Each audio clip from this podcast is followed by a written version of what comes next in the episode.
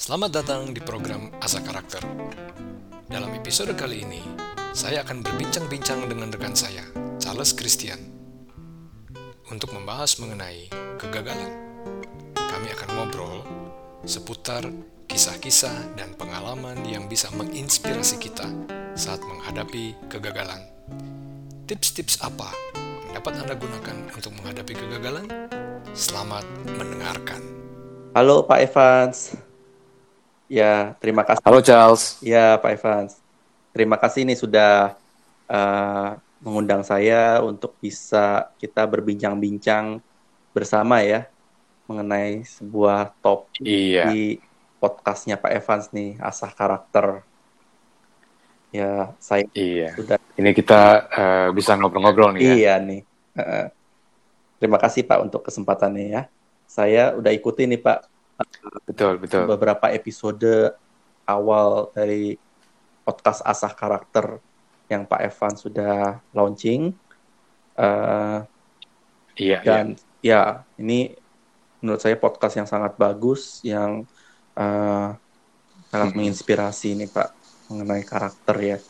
Lalu saya juga dengar nih tentang Iya. podcast terakhir nih yang Bapak eh, ini kan yang sudah Bapak launching ya, yang terakhir ini tentang topik kegagalan ya Pak ya. Kita Mhm. hari ini mau ngobrol-ngobrol tentang topik ini ya Pak ya, tentang topik kegagalan Iya. ini ya.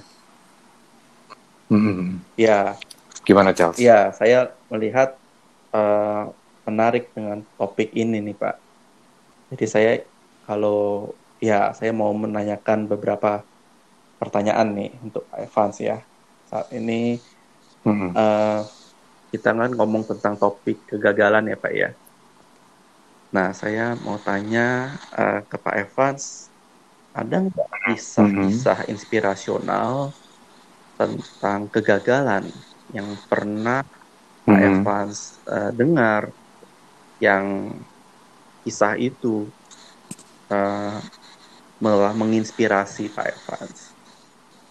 Iya Charles, Eh, saya mengingat eh, salah satu kisah yang menurut saya sangat menginspirasi adalah mengenai seorang perenang Charles. Mungkin eh, saya pikir mungkin sebagian orang tahu juga atau mungkin nanti juga yang belum pernah dengar. Eh, nama dari perenang tersebut adalah Diana Nayet. Dia adalah seorang perenang dari Amerika, eh, seorang perempuan yang eh, melakukan sesuatu yang mungkin tidak biasa nih Charles. Hmm.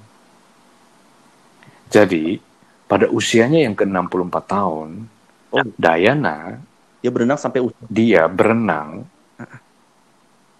Iya, tapi berenangnya bukan berenang di kolam biasa nih Charles. Oh, Jadi dia berenang menyeberangi eh, lautan. Persisnya adalah dari pesisir eh, pantai di Havana, Kuba, menuju ke pesisir pantai di Florida, Amerika. mm-mm. Jadi eh, jaraknya saja dalam mile itu kurang lebih sekitar 110 miles. oh, yang ditempuh kurang lebih selama 52 jam lebih, Charles.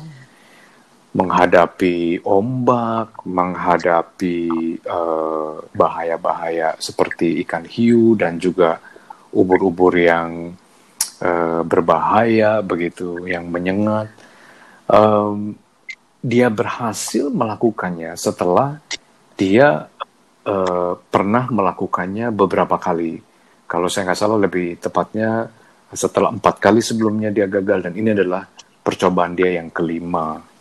Jadi dari kisah tersebut em, ada tekad yang luar biasa Charles yang dia tunjukkan dengan usahanya untuk eh, menyeberangi lautan tersebut. hmm. Eh, juga em, kegigihannya untuk tidak berhenti bahkan di usia yang bisa dikatakan tidak muda lagi Charles oh, yang di mana mungkin banyak orang kalau sudah tua mungkin sudah angkat tangan sudah tidak mau melakukan apa-apa ya Charles ya iya. tapi ini menunjukkan suatu semangat yang tidak pernah padam untuk terus berusaha Charles kira-kira mungkin itu satu kisah yang menginspirasi Charles Wah, ya benar Pak. Ini Jadi meskipun usianya sudah di atas 60, dia tidak menyerah ya Pak ya dengan kegagalannya, dia terus mencoba ya Pak ya. Iya, Wah, ya, betul Charles. betul Pak. Ini sebuah hal yang sangat menginspirasi. Terima kasih Pak udah berbagi kisah ini. Nah, ini mau tanya Iya. kalau dari Pak Evans sendiri ada nggak kisah eh, mungkin Pak Evans eh, kegagalan yang pernah Pak Evans alami yang juga eh, ya bisa Pak Evans mau ceritakan gitu. Ya, em, pertanyaan yang bagus sekali dan susah jawabnya. Nggak apa-apa Pak. Oke, ya, eh, seluruh program asa karakter ini eh, diawali oleh pergumulan pribadi saya, em, melewati masa-masa eh, saya mengevaluasi diri, terutama ketika saya memasuki masa usia eh, dewasa pertengahan ya, Mm-mm. em, yang biasanya orang bilang sebagai masa eh, krisis. Hmm. Em, kalau disebut kegagalan, hmm, mungkin secara eh, objektif Mm. atau eh, tampilan luar, hmm, apa yang saya alami terlihat eh, baik-baik saja begitu. Hmm. Tetapi eh, melalui proses selama beberapa waktu atau beberapa tahun ini, em, saya melewati masa yang membuat saya banyak berpikir tentang apa yang saya capai itu eh, mu- kemungkinan besar ya kalau tidak dibilang eh, mutlak begitu ya. Tapi saya juga nggak nggak nggak berani memutlakkan begitu ya bahwa saya sendiri eh, tidak puas dan menilai bahwa banyak sekali kekurangan, kelemahan, dan bahkan kesalahan yang saya lakukan dalam em, Mm-mm. dalam karya-karya yang saya buat.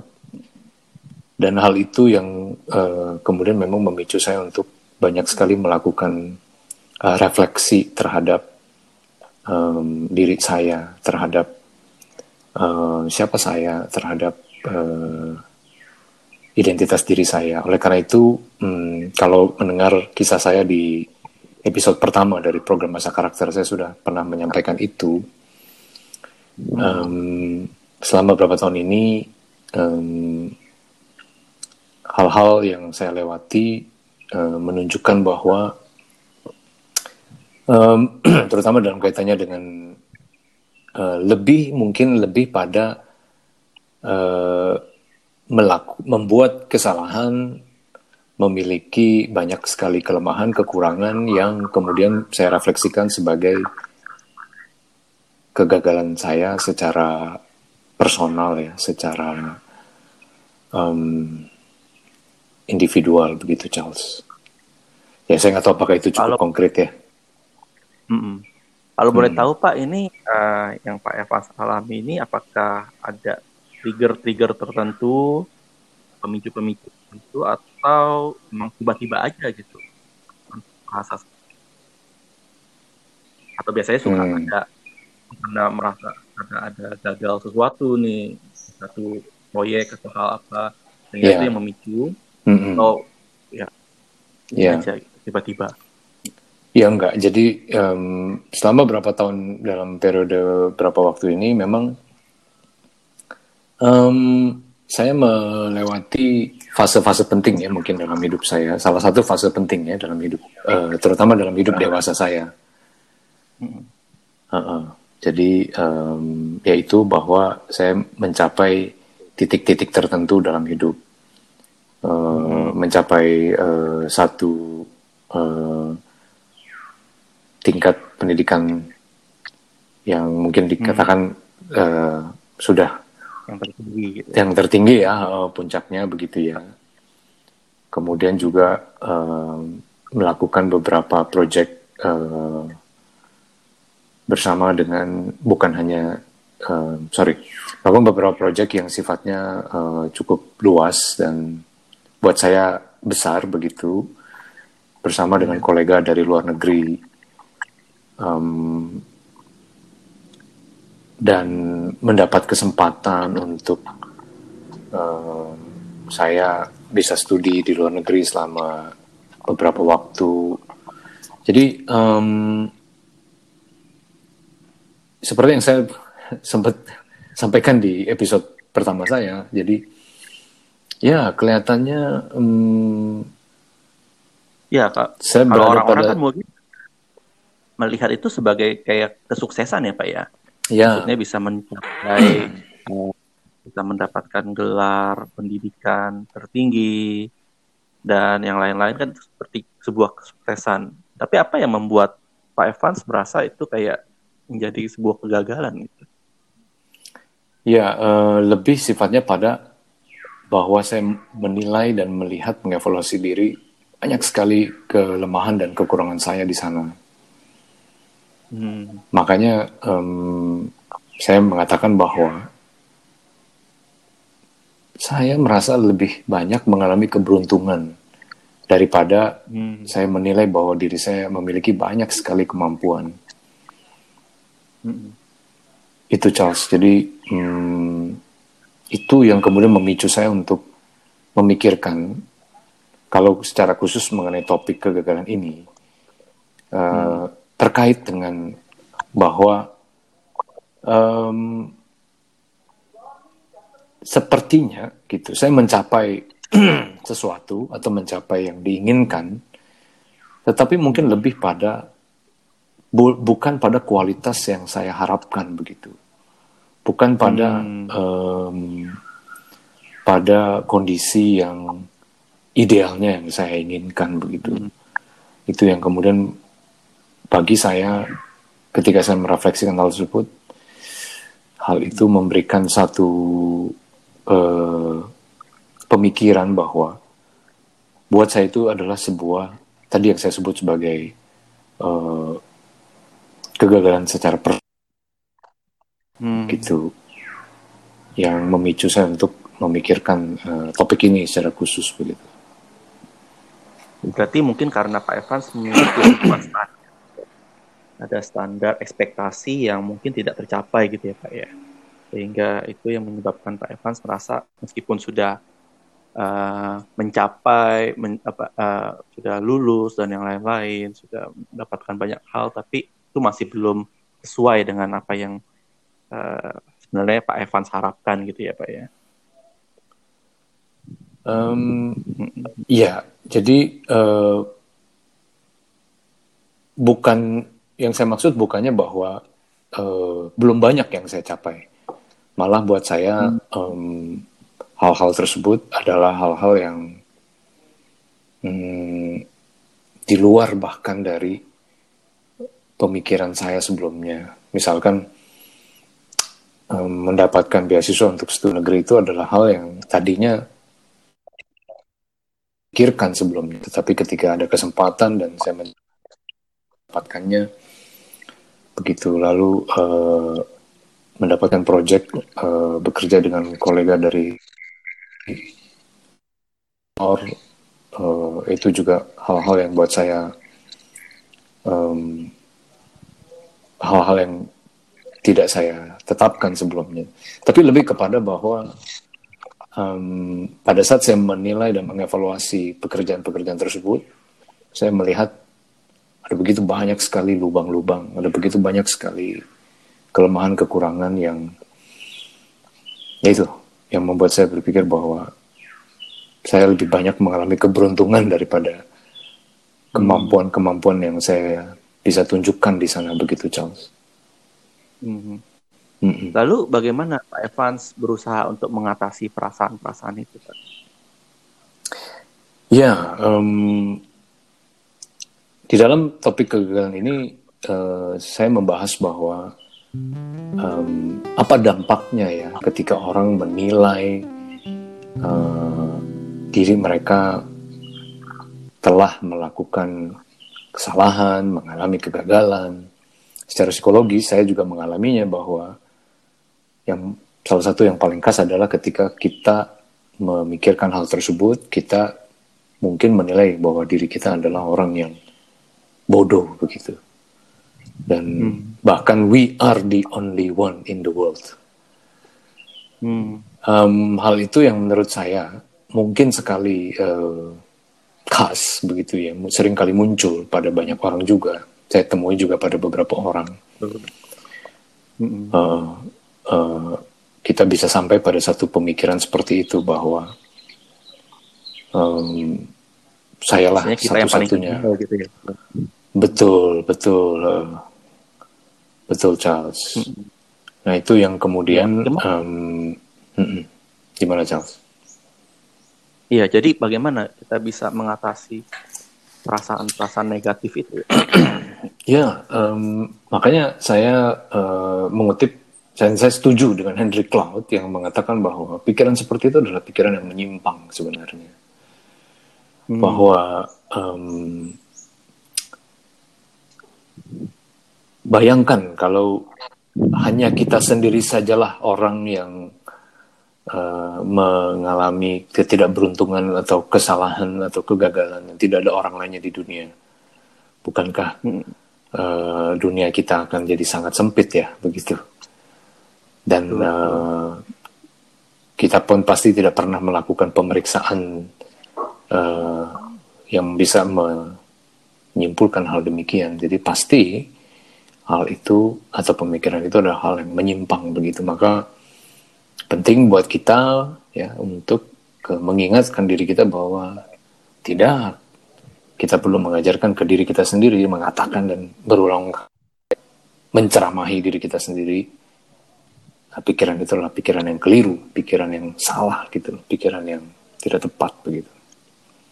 Hmm. Itu itu salah satu hal yang um, sering muncul dan khas terjadi pada pada diri kita ketika kita hmm. mengalami uh, kegagalan begitu Charles. Hmm. Ada nggak yang Pak Evans akhirnya kan kita bahas tentang karakter gitu ya hmm. karakter yang akhirnya terbentuk nih kalau Pak Evans melihat ke belakang oh ini karena kegagalan yang pernah saya alami ya um, buat saya pribadi ya um, hmm. ini yang nanti juga akan saya bahas di uh, episode-episode berikutnya nantikan hmm uh, bagaimana justru uh, saya menemukan uh, identitas diri saya kembali ya. Yang saya maksud kembali adalah bahwa ya ketika saya remaja saya uh, mulai membentuk identitas diri, uh, mulai hmm. merancang siapa saya dan apa yang mau saya lakukan kemudian. Dan uh, seiring perjalanan masa dewasa saya, um, melalui pergumulan-pergumulan ini, saya meyakini bahwa proses identitas diri adalah uh, membangun identitas diri adalah sebuah proses. Dan ketika kita uh, mengalami dan mendapatkan pelajaran pelajaran-pelajaran moral yang penting sekali untuk karakter kita, di sanalah salah satunya adalah yaitu terbentuknya identitas diri kita yang semakin utuh ya dan semakin kuat. Nah, itu salah satu yang saya uh, saya sudah sampaikan tentu saja di uh, episode pertama, tapi juga uh, nanti di bagian berikutnya uh, di episode-episode um, berikutnya saya akan bahas mengenai itu. Dan uh, di dalam konteks itu identitas diri yang saya maksud adalah bagaimana saya mulai memahami apa yang paling fundamental buat saya. Apa yang paling esensial bagi siapa diri saya. Ya, dan mm, saya kembali diteguhkan bahwa yang paling fundamental, yang paling esensial adalah yaitu membangun identitas diri saya di atas dasar iman Kristiani saya. Oleh karena itu, inilah uh, podcast asah karakter ini ditujukan untuk itu, berbagi kepada sahabat-sahabat asah karakter untuk uh, membangun uh, karakter kita di atas dasar yang paling fundamental yaitu iman uh, Kristiani kita. Itu salah satu Charles yang yang yang tadi uh, bagaimana uh, pelajaran dari kegagalan itu membentuk uh, karakter saya. Hmm. Jadi ini akan dibahas lebih dalam di episode-episode mendatang ya Pak ya? Iya betul. Jadi akan saya bahas nanti juga mengenai hal itu. Iya. Oke Pak, jadi ini uh, mungkin untuk penutup ya Pak ya. Ini kan mungkin banyak orang ketika gagal uh, jadi berhenti gitu Pak. Karena gagal jadi uh, merasa dirinya sudah gagal dan ya jadi menyerah gitu Pak. Apakah Pak Evans punya tips tidak untuk uh, kita nih yang gagal ini supaya tidak menyerah, kita uh, terus maju gitu Pak melawan kegagalan kita ini. Atau Pak Evans mungkin ada pengalaman-pengalaman uh, tentang hal itu yang bisa mendorong Pak Evans untuk tidak menyerah. Iya, betul. Um, Pertanyaannya sangat mengena sekali, Charles. Jadi saya pun pribadi eh, sangat tergoda sekali untuk menyerah. Dalam pengertian bahwa ketika kita eh, merasa bahwa kita eh, mungkin ya mengalami hal-hal yang tidak kita inginkan, hal-hal yang tidak sesuai dengan yang kita harapkan. Kita merasa diri kita lemah dan uh, merasa diri tidak berdaya begitu ya. Maka mungkin pilihan alternatif yang paling mudah adalah ya berhenti saja dan menyerah saja begitu. Gitu. Betul, um, betul uh, nah saya berkali-kali tergoda sekali juga. untuk itu ya bahkan ada beberapa yang bisa sampai ekstrim sampai uh, ingin mengakhiri hidup gitu ya Pak ya. Benar, benar. Kegagalan yang dialami. Betul sekali. Dan ya bahkan sebelum ke situ eh, banyak sekali yang kemudian akhirnya mencari penyelesaiannya atau jalan keluarnya dengan eh, menggantungkan dirinya pada hal-hal eh, yang dapat membuat dirinya sejenak melupakan realita begitu hmm. ya membuatnya menjadi ketergantungan pada berbagai hal. Ya, baik itu alkohol, Pelarian gitu ya, narkoba, betul, seks dan sebagainya.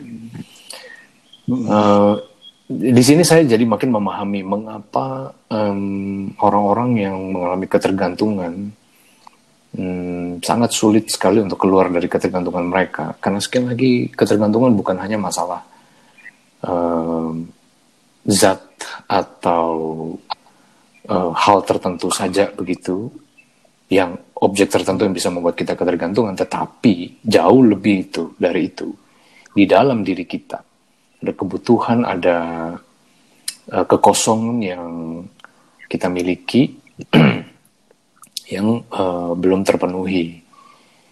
Begitu.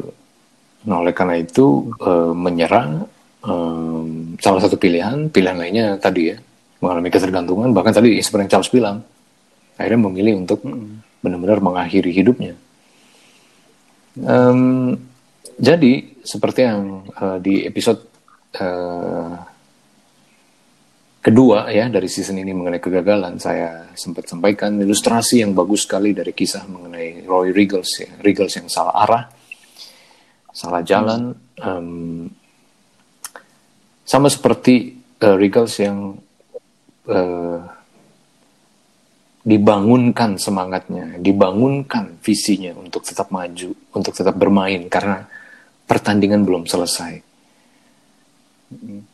Karena pertandingan baru separuh selesai.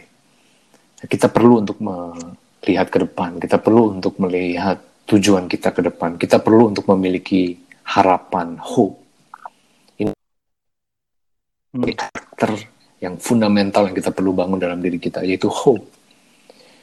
Bahwa kemampuan kita untuk melihat tujuan di masa depan adalah kemampuan penting yang perlu kita bangun dalam diri kita.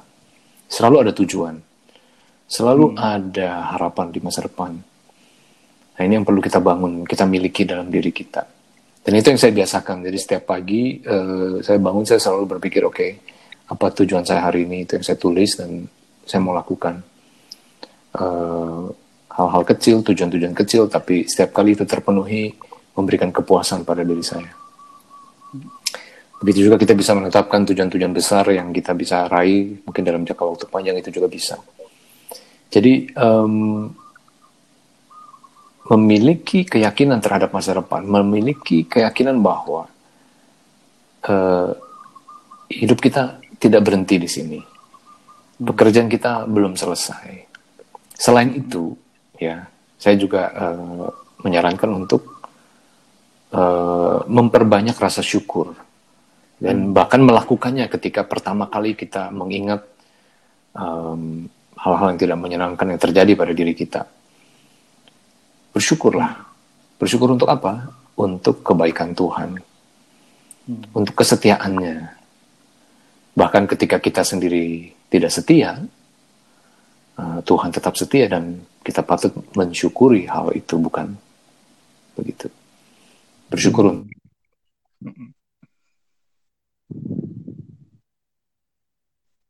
bahkan sampai saat ini kita masih hidup, kita tidak mati, dan itu merupakan um, hal yang patut sekali kita syukuri. Di samping dari berbagai kesalahan dan kegagalan yang pernah kita buat, Charles. Dan satu lagi, uh, hal yang juga secara pribadi um, sangat menolong saya, Charles, ketika saya uh, diingatkan atau tanda kutip ya diingatkan atau digoda oleh suara-suara yang mengingatkan saya akan kekurangan saya, kelemahan saya, kesalahan-kesalahan saya. Mengingat eh, banyak sekali kisah-kisah di Alkitab, ayat-ayat firman Tuhan yang menguatkan. Hmm. Uh, mengingat eh, orang-orang yang hidup sebelum kita yang pernah mengalami um, situasi hidup yang juga sulit dan mengalami kegagalan, namun mengingat bahwa Tuhan juga pernah memakai mereka, bahkan memakai mereka dengan sangat luar biasa. Hal itu uh, yang sangat sering menguatkan saya. Oh, kalau Tuhan telah memakai orang-orang tersebut dalam zamannya, Tuhan juga bisa memakai saya pada zaman saya. Begitu, Charles. Ya, terima kasih Pak Evan sudah uh, membagikan tip untuk bagaimana kita bisa mengatasi kegagalan kita. Kalau boleh saya rangkum nih Pak, mm -hmm. ya uh, mungkin yang tadi Pak Evan sudah katakan, jadi ada tiga nih ya, tiga tip yang bisa kita lakukan. Uh, yang pertama kita harus mempunyai tujuan, mempunyai harapan ya harap atau hope gitu ya pak ya iya betul lalu yang kedua ini adalah kita harus nantiasa bersyukur dan yang ketiga kita mau belajar dari kisah-kisah uh, yang ada di Alkitab dan kisah-kisah orang lain juga yang juga, mungkin bisa menginspirasi kita gitu ya Pak ya. Benar benar Charles. Ya terima kasih banyak nih Pak uh, saya jadi terinspirasi. Iya, sama-sama. Jawaban Pak Evans uh, jawab melalui iya. episode karakter kali ini. Mm -hmm. Ya, jadi ini uh, ini baru tentang kegagalan ya Pak ya di iya. episode ini ya. Betul. Jadi ada kelanjutannya nanti di episode selanjutnya kita akan membahas tentang Pak Evans nanti akan membahas tentang topik-topik yang lain ya Pak ya. Iya. Tentu saja Topik Charles. apa Jadi, nih Pak? Yang akan dibahas selanjutnya nih Pak. Iya. Rencana. Jadi ini ada salah satu bagian dari beberapa uh, topik yang saya pikir ini penting buat kita untuk mempelajari bagaimana melalui peristiwa pengalaman hidup kita yang mungkin saya sebut sebagai realistis, di mana mungkin hmm. kita mengalami berbagai kesulitan, pengalaman yang tidak menyenangkan, tetapi justru di situ kita bisa mendapatkan pelajaran-pelajaran paling bermakna, paling bermanfaat tentang pembentukan karakter diri kita.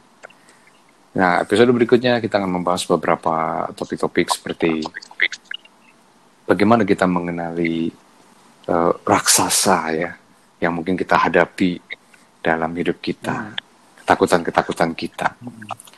Uh, kemudian penyesalan yang mungkin kita miliki ya dalam hidup melalui pengalaman-pengalaman yang kita lewati. Lalu juga uh, ketika menghadapi penderitaan dan rasa sakit. Nah itu merupakan beberapa contoh dari topik-topik yang akan kita bahas berikutnya Charles. Iya Pak. Jadi ini sahabat asah karakter uh, akan ada episode-episode selanjutnya nih ya Pak ya. Betul. Bisa ditunggu oleh sahabat yes. karakter. Nantikan ya Charles. Untuk maksudnya. Ya, nantikan untuk episode-episode asa karakter iya. berikutnya ya Pak ya. Sip. Ya. Terima kasih Pak Evans. Sama-sama Charles. Bincang you. Thank you.